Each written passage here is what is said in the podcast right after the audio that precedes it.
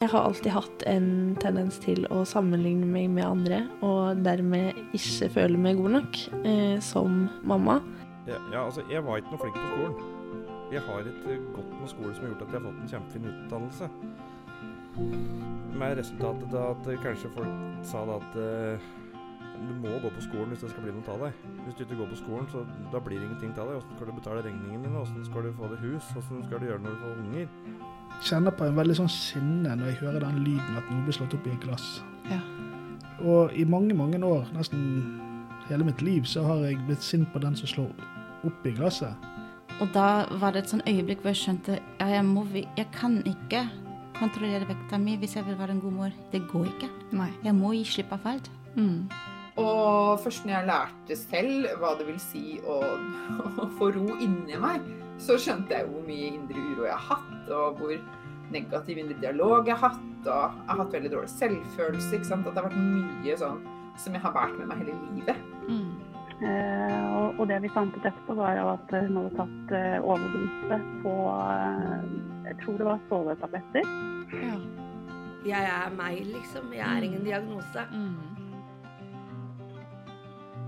Hallo og velkommen til podkasten I godstolen med terapeuten.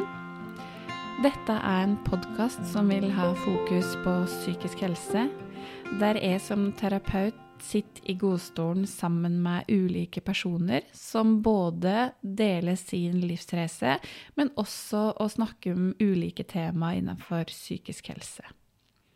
Mitt navn er Karina Rundingen, og jeg er utdanna psykiatrisk sykepleier og kognitiv terapeut å jobbe med å lære andre å bli bevisst sin egen selvfølelse.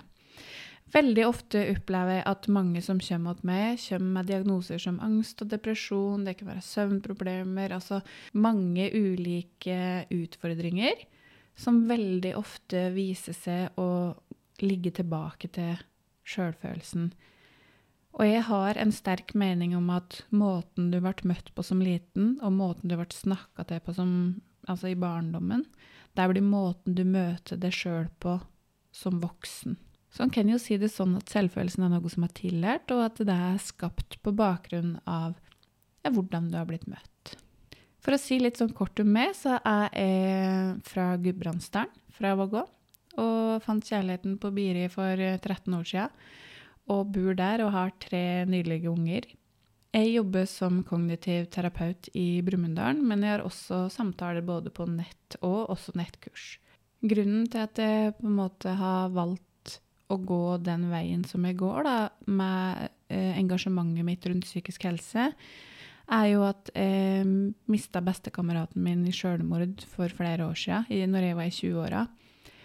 Da kjente jeg at dette er noe jeg har lyst til å jobbe med.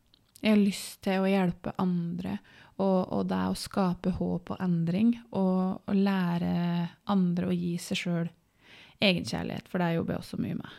Jeg gleder meg veldig til å ha med meg mange ulike spennende personer i godstolen, der oss både får høre deres historie, men også at vi snakker rundt ulike temaer, da. Så jeg håper du har lyst til å følge med på denne podkasten. Her blir det mange ulike og unike menneskemøter.